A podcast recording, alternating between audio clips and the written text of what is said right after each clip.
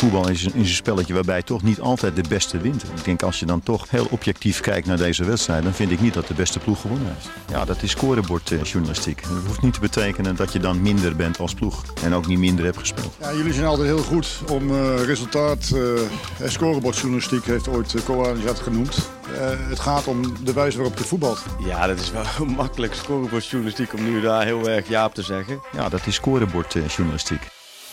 Yes, een nieuwe aflevering van Scorebord Journalistiek. In 2022 zullen wij er steeds vaker zijn. Je hoorde al een mooi verhaal van Dave Albers. Uh, vorige week een podcast over FC Utrecht. En deze week staat volledig in het teken van de trots van het noorden. FC, FC Groningen. Reon Boeringa, clubwatcher, is in onze podcaststudio aangeschoven. Want Reon, um, het is een beetje onrustig voor mijn gevoel in het Groningse het afgelopen, maar ik zeggen, half jaar? Ja, ik snap wel dat je dat uh, zo observeert van een afstandje, ja. Ja, ja, ja. Want ik, ik wil eerlijk, Groningen is voor mijn gevoel toch een, een mooie subtopper. Ik heb die club zelf ook mogen volgen. Dat is een club die schaar ik dan een beetje in het rijtje met, met Heerenveen. En een goed jaar een beetje met Utrecht, uh, Vitesse.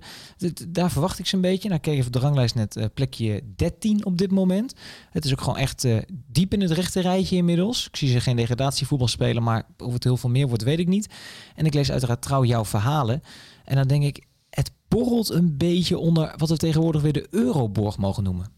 Ja, nee, dat, uh, dat klopt. Uh, na eigenlijk een, uh, een heel mooi seizoen 2020-21 zijn er behoorlijk wat sterkhouders vertrokken. En is er ja, dit seizoen ja, een soort van, ja, nou ja, alle gaatje vind ik een beetje oneerbiedig, maar een samenstelling van talenten die nog niet rijp zijn om de ploeg op sleeptouw te nemen. Routiniers die niet de kwaliteiten hebben om de ploeg op sleeptouw te nemen. Waardoor je ja, een ploeg hebt die ja, een beetje vlees nog vis. Het is geen subtop, het is geen degradatiekandidaat. En ja, eh, met, met factoren die eromheen spelen, waar we het zo meteen nog uitgebreid over zullen hebben. Ja, kom je dan uit in de zone ja, plek 10 tot en met 14. Uh, ehm, waar FC Groningen nu staat. En het is uh, ja, het contrast met de afgelopen jaren waarin eigenlijk rond telkens om, uh, om, om play-off plaatsing uiteindelijk is meegedaan, uh, is best wel groot. En het is nog steeds, uh, het, is, het is geen onhaalbare kaart. Ik bedoel, er kunnen, er kunnen de komende maanden nog gekke dingen gebeuren. Alleen het is een redelijk kleurloze seizoen zelf geweest op sportief vlak. Dat klopt. Ja, en daar liggen inderdaad factoren onder te grondslag aan. Laten we even beginnen bij afgelopen zomer. Uh, jij zegt al, er zijn wat belangrijke spelers vertrokken. Ik herinner me het einde van het seizoen, play-offs, uh, FC Utrecht. Uh, ging het dan niet goed? Nou, dat was het seizoen waar het ook veel over Arjen Robben ging. Robben natuurlijk afgezwaaid. maar welke sterkhouders zijn eigenlijk vertrokken? Sergio Pat, daar begon dat natuurlijk bij. Een man die echt richting de 300 wedstrijden bij FC Groningen heeft gespeeld. Die transfervrij is overgestapt naar Bulgarije. Dat is een hele belangrijke. Nou, dan gingen er nog twee gingen eind augustus. Echt op de allerlaatste dag. Gabriel Goodmanson naar Lille en Azo Matusiwa. Uh, Matusiwa denk ik de beste veldspeler die ze afgelopen seizoen hadden. En misschien ook wat jaar daarvoor. Daartussendoor zat ook nog de terugkeer van, uh, van Ko Itakura naar Manchester City. Die vervolgens is doorgesluist naar, uh, naar Schalke 04. En dan ook nog de, uit mijn hoofd, vice top, uh, clubtopscorer van afgelopen jaar. Een beetje een ja, jongen. Uh, je kunt hem nou niet echt onder de categorie sterkhouders scharen. Maar hij was afgelopen seizoen wel echt heel belangrijk met zijn goals. Aan met El Meshoudi. Die is ja? richting uh, Gaziantep vertrokken. Dus als je dat allemaal bij elkaar optelt, en dan ook nog eens een beetje gaat optellen trouwens, wat er in de jaren daarvoor nog aan ja, een doorloop geweest is aan uh, talenten, spelers die vertrokken zijn, variërend van Kai Sierhuis tot aan Theo Vaisio Zeefuik, tot aan Django Warmerdam. Eigenlijk is de optelsom dat elke keer als Groningen een beetje een lekker jaar heeft gedraaid en de spelers zichzelf hebben onderscheiden, is dat ze echt gewoon binnen een mum van de tijd weg zijn. En dat hebben ze een aantal jaar nog redelijk goed kunnen opvangen. Als je kijkt naar de prestaties, naar de ranglijst. Alleen dit jaar is het wel echt geweest van, dit was te veel om op te vangen. En uh, de manier waarop het is opgevangen is tot nu toe echt ondermaats gebleken. Maar dan even de vraag. Uh, je zegt twee belangrijke jongens op 31 augustus vertrokken. Um, maar dat wist de club toch ook wel dat dat ging gebeuren. Want bijvoorbeeld iemand als Matusiwa, daar wist iedereen van, daar is, daar interesse in. En Groningen kan de centjes, net als elke andere eredivisieclub, goed gebruiken. Dus eigenlijk konden ze zich niet laten verrassen, toch? Nee, absoluut. Dat vind ik ook. Dat vind ik ook. En het is toen uh, uitgelegd uh, door Mark-Jan Verderes, de technisch directeur, van nou ja, we hebben Laros Duarte hebben we gehaald. En daarmee zijn we op de nummer 6 positie wel, wel, wel, ja, wel, wel voorzien. En alleen als je nu achteraf eh, de, de hele band nog eens terugdraait uh, en, en ook een beetje hoort intern wat de plannen waren, wat er uiteindelijk is uitgekomen, dat Duarte zou gewoon naast Matusiwa gaan spelen. Omdat op een gegeven moment, ik heb Matusiwa zelf ook gesproken een paar weken geleden. Uh, over zijn eerste nou, maanden in Rijms, bestaat de Rijms speelt hij. Hij zegt van eind augustus, ik zou helemaal niet meer vertrekken. Ik had me er zelf op neergelegd, er speelde helemaal niks. Ja, en op een gegeven moment begon het, ook tot mijn verrassing, in één keer als een gek uh, begonnen die Fransen aan de poort te rammelen. En toen dacht ik, dit is toch wel leuk. Ja, en wat Groningen toen heeft gedaan, ze hebben nog geprobeerd om een andere zes te halen. Ze zijn in Frankrijk nog bezig geweest. Uh, ze zijn, ze zijn hier en daar nog gaan informeren. Alleen ja, ze hadden zich er kennelijk niet meer uh, op voorbereid dat hij nog zou vertrekken. Net zoals Azor Matusiwa het niet meer had verwacht. Ja, uh, met als gevolg dat je nu met Thomas Soeslof de afgelopen maanden, wat eigenlijk gewoon een hele goede nummer 10 is, uh, op 6 hebt gespeeld. En dat je eigenlijk daardoor je elftal uit het lotus komen te staan. Ja, dat, dat, dat, dat klinkt als je toch laten verrassen ja. op de een of andere manier. Um, Groningen is een club waar uh, lange tijd niks gebeurd is. Als in de zin van Hans Nijland was daar de baas en, en ja, met harde hand. Uh, icoon hè? en een algemeen directeur waar niet van niks collega Tom Knipping nog heel boek over geschreven heeft. Want die heeft zoveel anekdotes, verhalen als mooi. Maar toen kwam daar een hele jonge directie binnen met hele ambitieuze plannen. Waaronder ook op technisch vlak met Mark-Jan Flederis, die overkant van Heracles Almelo. Uh, met heel inzet op scouting. Uh, jonge scout uh, heeft daar natuurlijk de boel overgenomen. Dan zou ik zeggen, ja, als er nou één club is die het huiswerk ja, aan de voorkant af, ja, klaar moet hebben, dan is het FC Utrecht. FC Groningen, voor mij dan. FC Utrecht ook trouwens, maar dat gaat ook ja, niet altijd nee, goed. Maar, Maar, ik, ik, ben het, ik ben het in deze echt, echt roerend met je eens. ik vind, je kunt van Flederis heel veel goede dingen zeggen, maar je kunt ook een paar kritische noten kraken. En dit is er zeker eentje dat op het moment dat, dat Matusiwa is vertrokken op 31 augustus, op het moment dat Goedmanson is vertrokken op 31 augustus, nou ja, van Matusiwa is gewoon uiteindelijk niemand gekomen. Die hebben ze dan nu, uh, zes maanden later, alsnog gehaald in de persoon van Melairo Bogarde. Dus ja, dat, dat zegt ook wel wat als je gaat repareren in de winterstop. Dat geeft ook wel aan dat je zelf uiteindelijk tot inzicht bent gekomen dat het niet helemaal lekker is gelopen. Um, ja, en dan voor die andere positie, Gabriel Goedmanson, daar is toen wel iemand voor gekomen. maar ja, dat is ja, ja. Kelly. En ja, die speelt inmiddels. Die heeft één invalbeurt gehad in het eerste helft van FC Groningen uit mijn hoofd. Dat was een uh, bijzonder zwakke invalbeurt. En ja, je kunt hem daar eigenlijk moeilijk op afrekenen. Want hij kwam uit de Zweedse competitie, waar hij ook geen basisspeler was. Een jongen van 20 jaar. En inmiddels is ja, door de technische staf besloten. Ja, hij is nog niet goed genoeg voor de eerste selectie. Dus hij zit bij Groningen onder 21. En daar speelt hij nou ook niet echt de pannen van het dak, wat ik daarvan heb begrepen. Dus ja, dat is ook niet helemaal lekker uitgepakt. Dus ja, dan ga je dus een seizoen in waarin je heel veel spelers bent kwijtgeraakt. Deels buiten je macht, want Pat zei, ik wil niet verlengen, ik wil een nieuw avontuur. Itakura was hier nog een keer te huren, maar ook wel een deel binnen je macht. En de dingen die je had kunnen opvangen, zijn niet lekker opgevangen. Ja, maar dan, dan is dat de situatie. Um, maar dan heb je ook nog een trainer daar zitten. De naam is niet gevallen, Danny Buis. Ja. Die zat er al een paar jaar. Die zat er al voordat Vladeris binnenkwam. Voor mij 3,5 jaar nu als ik jouw uh, verhaal las. Zit hij er nu. Hoopt uh, vier jaar af te maken. Dat hopen kom ik zo meteen even op terug. Ik kan me voorstellen dat de trainer ook gezien heeft van... nou, even kijken mijn selectie. Ik ben die bepaalde spelers kwijtgeraakt. Uh, nou, dan wil ik wel graag een controlerende middenvelder erbij. Ik wil nog even dit, ik wil nog even dat. hoe heeft Buis gereageerd op die situatie? Ja, voor Buis is het natuurlijk een... Die zit nu, wat je zegt, 3,5 jaar bij Groningen. En die heeft elk jaar heeft hij aan het einde van het seizoen de beste spelers zien gaan. En wat er vervolgens weer kwam, dat moest echt gewoon van de bodem af aan weer opgebouwd worden. Allemaal weer jongens uh, van 20 uit Scandinavië, Noorwegen, Zweden of een huurling hier en daar. En bij hem is natuurlijk wel een keer van ja, je bouwt elke keer iets op. Uh, je hoopt daarvan iets te oogsten, maar op het moment dat ja, de, de, de, de bananen, laten zeggen, om ze van de boom af te plukken, binnen, binnen handbereik komen, ja, dan trekt iemand anders ze weg en dan, ben je, dan moet je weer vanaf, uh, vanaf nul beginnen. Dus voor hem is het heel erg frustrerend. En hij heeft ook wel aangegeven, richting die winterse transferperiode waar we nu in zitten, van ja, als er iets bij gaat komen, hoop ik dat het jongens zijn van, laten we zeggen, 25 jaar, 28 jaar, die er direct staan, die 200, 300 wedstrijden in de Eredivisie in de benen hebben. Ja, en dan komt er een Milairo Bogarde. En ja, dat is een beetje... Um, even, even, sorry, even voor het beeld van de mensen die Milairo Bogarde niet kennen. Ja. Uh, jonge leeftijd van Feyenoord naar Hoffenheim gegaan. Hoe oud is die nu? 19. 19 jaar. Ik kwam bij Hoffenheim, kwam hij er niet aan te pas. Dus moest ergens minuten gaan maken. Precies.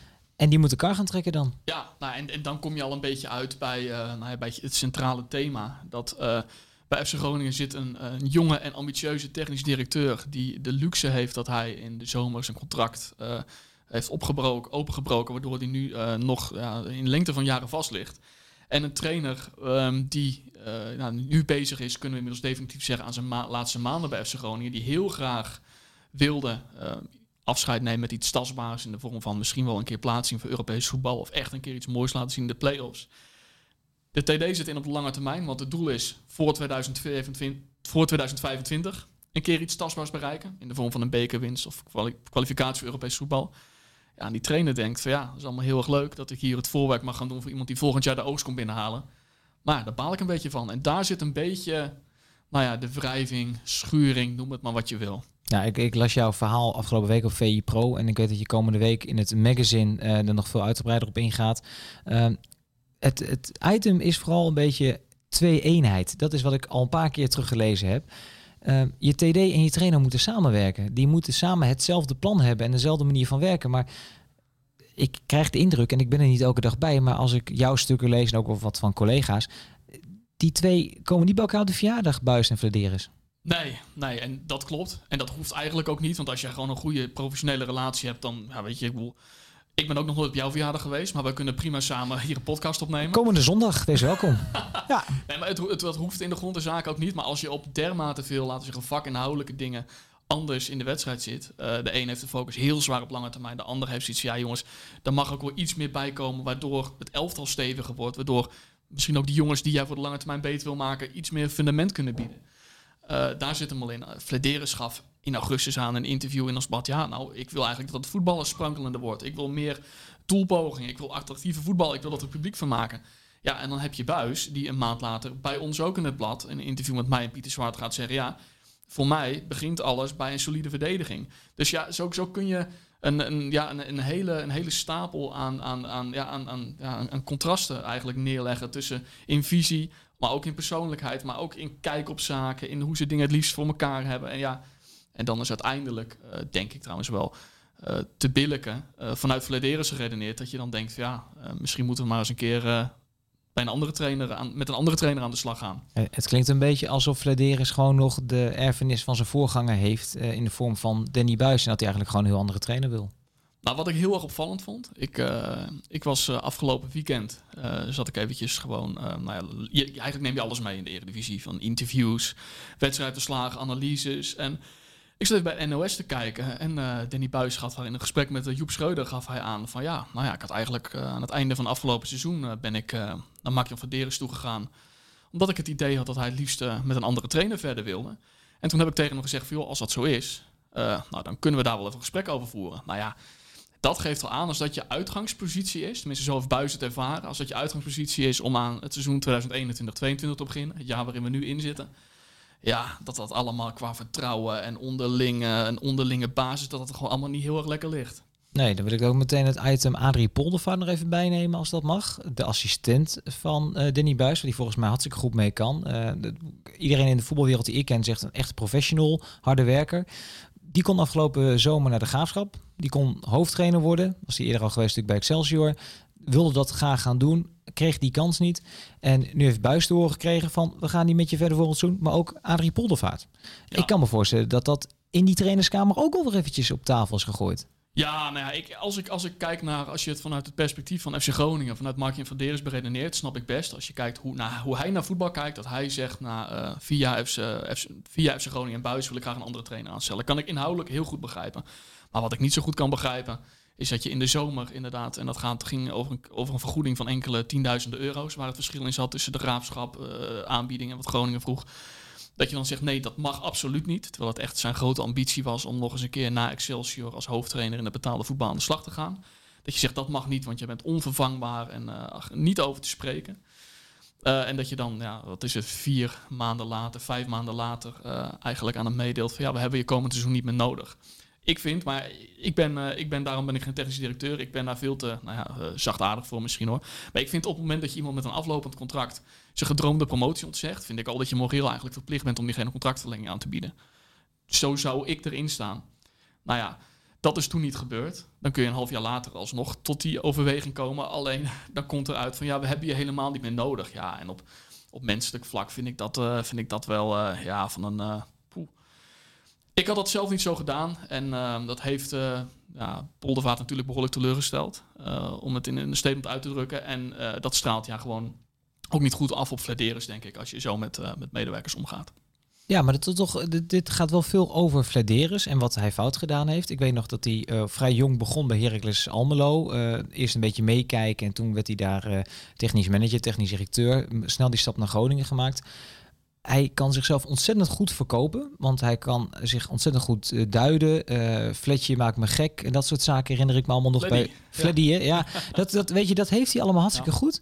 Um, maar als ik nu in de voetballerij een beetje begin te luisteren en ik hoor zaakwaarnemers en ik hoor collega-directeuren en zo, hij begint toch wel een beetje imago te krijgen dat hij toch wel erg lastig is uh, in heel veel opzichten. En dit met poldervaart en met buis, dat werkt ook niet in zijn voordeel, denk ik. Nee, nee en uh, wat je zegt, dat zijn, uh, dat zijn de geluiden die ik ook wel opvang. En nou, het is natuurlijk het, het, en dat soort geluiden krijg je niet door één incident, maar dat komt ja door een aantal transfers die zijn omgeven door gedoe door een aantal ja, ruzietjes in de openheid. En dan nu het verhaal met, met, met Poldervaart. En kijk, enerzijds is het keihard zijn en het opkomen voor de belangen van de club een goede eigenschap voor een technisch directeur. Maar als je erin staat dat je elke keer in elke afzonderlijke onderhandeling of transfer het alleronderste uit die kan wil halen, ja, dan gaat je dat op een gegeven moment uh, ook een keer tegenwerken. En uh, inderdaad, wat jij, wat jij vertelt over de geluiden die jij opvangt, ja, dat zijn geluiden die, die mij niet onbekend zijn. Dus ja, dat is wel het, het, spanningsveld waar uh, en FC Groningen wel in gaan komen. Is ja, je kunt heel vaak mensen inderdaad heel rechtlijnig behandelen. Alleen op een gegeven moment komt er ook een moment waarop je dat een keer op je bordje terugkrijgt. Ja, en het gevoel is dat dat moment misschien wel steeds dichterbij gaat komen. Wat mij opviel in jouw stuk, en dat is iets wat ik gewoon even benieuwd naar ben, niet eens zozeer of het nou om Buis gaat of een andere trainer, maar het ging over de transfers afgelopen zomer. En ik, ik las dat Buis tegen jou zei dat um, de scouting kijkt naar nieuwe spelers, samen met de technisch directeur. En van de staf wordt eigenlijk gevraagd om die jongens beter te maken. Maar is de normale situatie toch ook niet dat de trainerstaf mee wordt genomen tijdens het proces van de, het aantrekken van spelers? Want ja, het is zo makkelijk om te zeggen, hier heb je een speler, doe er wat mee. Maar als een trainer op voorhand al zegt van ja, ik kan hier niks mee, dan krijg je het verhaal van die Kelly inderdaad, dan loopt hij rond in onder 21. Ja, eens. Dat, uh, dat vind ik ook. Uh, kijk, en je zult altijd hebben dat uh, de, de, de finale stem bij een transfer is natuurlijk altijd de technische directeur, want die zit er in principe voor de lange termijn. En trainers zijn in dat opzicht veel meer passanten. Alleen je zult daar wel een bepaalde mate van afstemming in moeten hebben. En dan zal het de ene keer een keer uh, doorstaan naar de korte termijn, omdat daar op korte termijn iets nodig is, en de andere keer zal het naar de lange termijn gaan. Maar inderdaad, als dat niet in orde is, en dan kom je bij het verhaal wat je net al aangaf, twee eenheid, ja, dan is dat de conclusie dat, dat die er dan onvoldoende of niet is. Maar dan begin ik me toch af te vragen, wat voor een huwelijk is dit eigenlijk tussen Verderes en Buis? Verstandshuwelijk een zakelijk, een zakelijk huwelijk. Uh, in die zin, je kunt, uh, wat ik net tegen je zei, ik ben nog nooit bij jou de verjaardag geweest, maar ik kan prima, als we, als we een verhaal zouden maken samen, zou prima gaan. Ik kan ook een biertje met je drinken als de kroeg open zouden zou, zijn. Dat geen zou probleem. prima gaan. Nee, maar kijk, je kunt, je kunt natuurlijk heel zakelijk met elkaar samenwerken. Ik bedoel, je hebt, je hebt een trainer, je hebt een TD, je hoeft niet. Alleen als je uh, ja, inhoudelijk naar zoveel dingen op een andere manier kijkt, dan heb je los van het feit dat je qua karakter, Danny Buis natuurlijk echt iemand, ja, die, die, die, die, die is heel direct. Die is heel erg, uh, ja, laten we zeggen, bijna antidiplomatiek in sommige opzichten. En Vladeren is weer een beetje de strateeg die af en toe ja, die ze zetten vooruit plant. Dus ja, dat, dat, daar zit ook wel wat, wat redelijke tegenstellingen in. Maar het kan wel, het kan wel. Alleen ja, op een te lange termijn gaat het op een gegeven moment natuurlijk wel in strubbelingen resulteren. En ik denk dat je bij FC Groningen inmiddels op het punt bereikt bent dat uh, de houdbaarheidsdatum daarvan wel in zicht is. Nou ja, maar dat is mijn volger. Ik zei net al, hij hoopt Danny Buis om de vier jaar vol te maken bij FC Groningen. Maar als ik dit allemaal zo beluisteren en ik, lees jouw verhaal nog een keertje, dan vraag ik mij sterk af of Danny Buis einde van het seizoen haalt. Hoe zie jij dat? Ja, dus ga je een beetje, ga je een beetje richting het speculeren, maar ik snap je vraag wel. Uh, omdat uh, de prestaties zijn niet fantastisch. Flederis heeft aangegeven, wij vinden dat we met deze selectie mee moeten kunnen doen om play-offs Europees voetbal. Nou ja, je staat op dit moment dertiende. Uh, Flederis heeft aangegeven, ik wil dat we attractiever gaan voetballen, dat het sprankelender wordt. Nou ja, ik kan niet zeggen dat er heel veel vooruitgang in zit. Dus in die zin uh, valt, daar wel een, uh, valt er wel een kritische noot over te kraken. Ik heb geen signalen op, dat, op dit moment dat daar, dat daar sprake van is. Alleen gezien het totaalplaatje, nou ja, gezien verschillen in visie, verschillen in karakter... En het feit dat ja, blijkbaar op dit moment FC Groningen niet voldoet aan de, nou, de prestaties die de TD er eigenlijk van verwacht had. Ja, er zijn wel heel veel dingen om te zeggen van ja, hoe gaat dit de komende maanden lopen? Ja, maar het is ook een beetje van, je wil samen naar een goed einde inderdaad. Maar als ik dan in jouw stuk lees dat een dag of kort na de wedstrijd tegen Heracles uh, Buis wordt verteld wanneer hij op zijn vrije dag naar Groningen moet komen. Dat, dat zijn dan van die speldenprikjes waar ik dan van denk van ja, ook Buis kennende met zijn karakter, dan, dan weet je eigenlijk al dat je het alleen maar erger maakt. Dat ik, ik heb het idee dat het een beetje op de spits wordt gedreven in Groningen nu. Nee, nee, klopt. Maar dat is inderdaad op het moment dat je, dat je een beetje onderling niet heel lekker in zit, ga je van al die kleine dingetjes, dan ga je natuurlijk wegen en dan denk je, oh, dit zit me niet lekker, dit zit me niet lekker. Ik heb wel het idee, en dat moet ik er wel bij zeggen, dat zowel Buis als Flederis er heel veel aan gelegen is om het wel samen af te maken, ondanks alles. Want uh, je kunt heel veel, um, um, ja, je kunt, je kunt het heel erg, uh, laten we zeggen, dit verhaal dat ik geschreven heb. Uh, je hebt wel eens verhalen waarin je diep moet graven om tot een resultaat te komen. Nou, dit verhaal hoef je niet heel veel diep voor te graven. Want deze context, laten we zeggen, van de moeizame, moeizame relatie en totaal andere visie. Dat is eigenlijk het verhaal wat je, ja, iedereen die wel eens op Corpus en Hoorn trainingscomplex is geweest afgelopen anderhalf jaar, die kan er uit praktijkvoorbeelden over meepraten. Uh, maar je proeft tegelijkertijd wel, en dat zie je ook wel aan het feit dat Verderus dus eind vorig jaar al tegen, of eind vorig seizoen al tegen Buis heeft gezegd van ja, we willen wel met jou gewoon het komende seizoen in en dit afmaken. Uh, en dat proef je ook bij Buis. Ze willen het wel samen afmaken, hoe moeizaam het bij, bij, bij Vlagen ook is. En alleen ik vraag me inderdaad wel af, als je alles met elkaar afweegt, tegen wat voor klippen ga je de komende, komende maanden nog, uh, nog aanvaren? Of weet je ze allemaal te omzeilen? Het, het wordt wel een uitdaging, denk ik. En de kans dat het anders een beetje een nachtkaas wordt. Hè? Als je dan ook nog die resultaten niet gaat boeken en je blijft plekje 13, 14 exact. staan.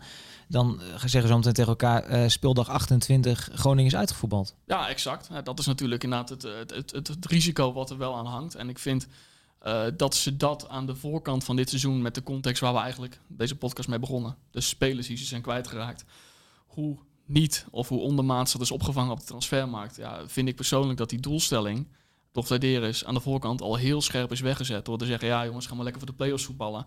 Inmiddels vind ik, als je daar naar kijkt, ja, moet je daar toch wel een beetje nuance aanbrengen. Ik vind FC Groningen uh, geen leuke ploeg om naar te kijken, voetballend gezien. Maar ik vind FC Groningen ook absoluut niet de kwaliteit hebben om te wedijveren met ploegen als FC Twente en FC Utrecht.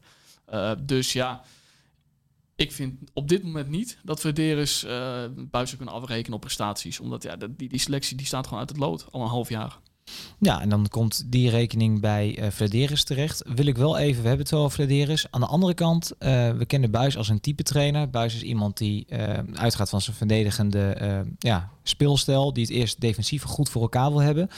Um, hij heeft ook echt op geen enkele manier een leuke voetbal ingekregen. Want ik heb ook wat op Twitter even wat vragen gesteld. Ik had jou hier in de uitzending. En de meeste vragen gaan toch eigenlijk ook over het voetballende. Ik heb, Jor, dat is Ed Vlokker, die vraagt ook... het is onder Buis aanvallend al drie, vier jaar uh, zeer matig. Lang werd gedacht dat het aan het materiaal lag. Maar ook naar verschillende aankopen. Nou, komt een heel rijtje. Paulus Abraham en Gonge.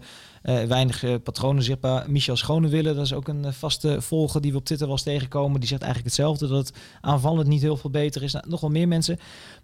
Het is Buis ook niet gelukt om het ook maar ietsjes aantrekkelijker te maken. Nee, nee, nee, en die kritiek vond ik ook volledig terecht omdat uh, er is dit seizoen, afgelopen jaren, kon je inderdaad zeggen van nou, er was ook aanvallend niet heel veel om mee te werken. Dus als je de ingrediënten niet hebt, kun je ook het gerecht niet maken. Alleen als je kijkt wat er nu uh, staat aan aanvallende potentie, uh, met Soeslof, met Iran Dust, met Paulus Abraham, met Cyril Ngonga, met Jurgen Strand Larsen. Daar valt wel wat moois van te maken. Oh ja, Buis is niet de avonturier die uh, graag voor de groep ziet. En ja, daar kom je weer helemaal uit bij, bij de, eigenlijk de overkoepelende thema van het verhaal. Um, je hebt een trainer met visie X en je hebt een TD met visie Y. En die heeft de spelersgroep samengesteld. Alleen de trainer die hangt een andere manier van spelen aan. Uh, maar ik bevind de kritiek wel terecht, want ik vind dat er uit het materiaal wat voorhanden is, daar zou iets meer van te maken moeten zijn. Los van het prestatieverhaal, waarvan ik denk van, ik vind het geen play-off waardige selectie. Maar een beetje meer maken, een beetje meer sprankeling, mag wel. Ja, kijk, we zitten met lege tribunes nu, maar ik heb ook niet de indruk dat, dat ze in Groningen nu allemaal naar het stadion waren gerend als het stadion wel weer open was geweest. Want het is niet van, uh, ja, laat, laat ons weer eens juichen FC FC Groningen, laat ik het maar zo stellen. Um, dan denk ik, alles bij elkaar samen opgeteld hier, FC Groningen had afgelopen zomer gewoon afscheid moeten nemen van Danny Buis. Mark-Jan Verderes, de technisch directeur, staat hoger in de pikorde dan Danny Buis. Verderes wil wat anders dan Buis. Heeft zelf die selectie samengesteld dan moet je een andere trainer voor die groep zetten. Dan hadden we nu dit gesprek niet gehad. Nee, nou ja, ik snap, ik snap je conclusie. Ja, nee, dat, dat, dat was inderdaad met de kennis van nu was dat geen gekke conclusie geweest. Helemaal aangezien dat kennelijk ook een thema geweest is intern aan het einde van vorig seizoen. Kan dat nog financieel meegewogen hebben dat dat geld kost om een trainer te ontslaan? Of? Nou, weet ik niet. Oké. Weet ik niet. Nou, dat speculeren. Maar dat Ja. is, dat, bij clubs hoor je dat nog wel eens. Het zou natuurlijk wel slecht zijn als dat de reden is waarom je niet eh, eh, afscheid neemt van een trainer. Ehm, wat moet Buis eigenlijk gaan doen na dit seizoen? Ja, dat vind ik een hele interessante. Hij is eh, een jaar of twee geleden is hij een keer gepolst door Birmingham City. En ik denk ook dat hij het, eh, en daar is ook interesse geweest vorig jaar uit de Bundesliga, eh, of tweede Bundesliga. En ik denk ook dat dat een beetje de competities zijn waarin hij het zal moeten gaan zoeken. Want hij is natuurlijk niet ehm, een trainer waarin denk ik heel veel Nederlandse clubs zullen zeggen van nou, daar, laten we geen grotere clubs dan Groningen. Eh, zie ik niet, laten zeggen, op het voetbal van Buis eh, afkomen. En ik denk dat hij, nou ja, hij, hij speelt graag ook tegen Duitse eh, oefenpartners. Ze oefenen heel vaak tegen Duitse clubs. Hij is heel erg, nou ja, hij kijkt graag naar het Duitse voetbal. Ik denk dat eh, een club in de tweede Bundesliga, misschien Championship, ik denk dat dat voor de toekomst van Buis, dat dat een redelijke richting is om in te gaan denken. Ik denk dat hij dat ook wel zou willen. Nou, uitstekend. Danny Buis richting Duitsland. Ehm, en dan tegelijkertijd een Duitser naar FC Groningen? Ja, die naam die zingt heel nadrukkelijk eh, rond van Frank, eh Frank Wormoed. Ik heb daar de afgelopen week, weken, eh, nou ja, van, van alle kampen wel, wel vragen over gesteld. Alleen die wil, wil me niet beantwoorden. Alleen ik durf hem wel aan dat, dat Frank Wormoed een zeer voorname kandidaat is om na dit seizoen hoofdtrainer van FC Groningen te worden. Ja, en dan meteen de link gelegd natuurlijk. Mark-Jan Verderes kan nu eindelijk zijn eigen trainer binnenhalen. En haalt dan de enige trainer bij wie die met Heracles Almelo samengewerkt Ja, heeft. wat dat betreft is het, is het een veilige keuze. Aan de andere kant kun je ook zeggen, hij kent hem eh, waarschijnlijk als geen ander. Want hij heeft toen inderdaad na dat hele selectieproces bij Heracles Almelo... eh, ja, vond hij een toen in Nederland volslagen onbekende Duitser... eh, met afstand de beste kandidaat inhoudelijk. En als je dan kijkt wat Mo- Wormoed de afgelopen 2,5 jaar bij Heracles, Heracles heeft neergezet... is dat gewoon een hele goede aanstelling gebleken. Eh, dus in dat opzicht eh, vind ik het een logische. Aan de andere kant, je kunt zeggen, het is een, ook, ook, een veilige oplossing als dat, hem, als dat gaat worden. Maar ik zou het wel een, eh, een trainer vinden die, laten we zeggen, na, het, na via Buis een logische volg geeft bij Groningen. Nou, je krijgt een hele ervaren trainer, krijg je ervoor terug. Iemand die inderdaad voor aanvallende voetbal speelt. Die een behoorlijke scouting, vooral ook in Duitsland, met zich meeneemt. Die best wel veel contact heeft natuurlijk. Lang bij de Duitse voetbalbond gewerkt. Ehm, en wat jij zegt, toen hij bij Heracles kwam, toen ah, Heracles nodigde drie, vier trainers uit voor een gesprek. En de Nederlandse trainers kwamen binnen, een bak koffie, pootjes op tafel en gingen vertellen wat ze zo leuk vonden. En meneer Wormoed kwam met een complete PowerPoint-presentatie. Dat de hele club, de hele selectie, alles doorgelicht. En die, eh, ik weet nog dat, dat de directie en ook de RVC van Heracles echt met open mond stond te kijken van, joh, wat is dit dan? Dat hadden ze nog nooit meegemaakt. Zo voorbereid kwam die man binnen op een sollicitatiegesprek. Ja, nou ja dat, eh, dat, dat, dat, dat blijkt maar. Want inderdaad, hij is het geworden. En, eh, nou ja, en hij is in ieder geval een zeer serieuze kandidaat om het ook bij Groningen te worden. Dus die indruk die hij toen heeft gemaakt, die, is, die is niet minder geworden in de tussenliggende periode. Ja, en dan met mogelijk Wormoed of een andere trainer dan toch weer meer spektakel in de Euroborg. Is dat een beetje het doel voor de komende ja, jaren? absoluut. Dat is, dat is eh, het doel dat Vladeris afgelopen zomer al heeft uitges- uitgesproken. Nou, dat is, er, eh, dat is er op dit moment gewoon niet uitgekomen. En eh, ja, in de jacht op een nieuwe trainer en de zoektocht naar een nieuwe trainer zal het bieden van meer vermaak, meer spectaculair voetbal. Aantrekkelijke voetbal zal echt een hele hoog, eh, hoog in het vaandel staan. Om, want dat willen ze. Dus, en in dat opzicht snap ik heel goed dat je na vier jaar met een andere trainer in zee wil gaan. Ja, en is het dan ook wel zo dat we nu zeggen, oké, okay, Vladeris trekt aan de touwtjes daar, eh, stelt de selectie samen, heeft voetbal voor ogen, heeft dan de trainer gekregen die die niet voor ogen had in eerste instantie, Buis zat er al. Nu kan hij ook nog zijn eigen trainer aanstellen. Is dan ook zo dat we, laat ik zeggen, over anderhalf jaar, dus als de nieuwe trainer een jaar zit, dan ook Mark-Jan Vladeris uh, wat meer onder het grootgras kunnen nemen om te Ja, kijken of hij uh, functioneert? Ja, nou, dat, dat, vind ik ook. Dat vind ik ook. Want je kunt inderdaad nu kun je zeggen van nou ja, wel de selectie, maar, maar niet de trainer. Alleen dan kom je inderdaad in een situatie van, nou ja, dan is de selectie, die is inmiddels inderdaad in de afgelopen twee jaar al zo over de kop gegaan dat het echt al zijn selectie is.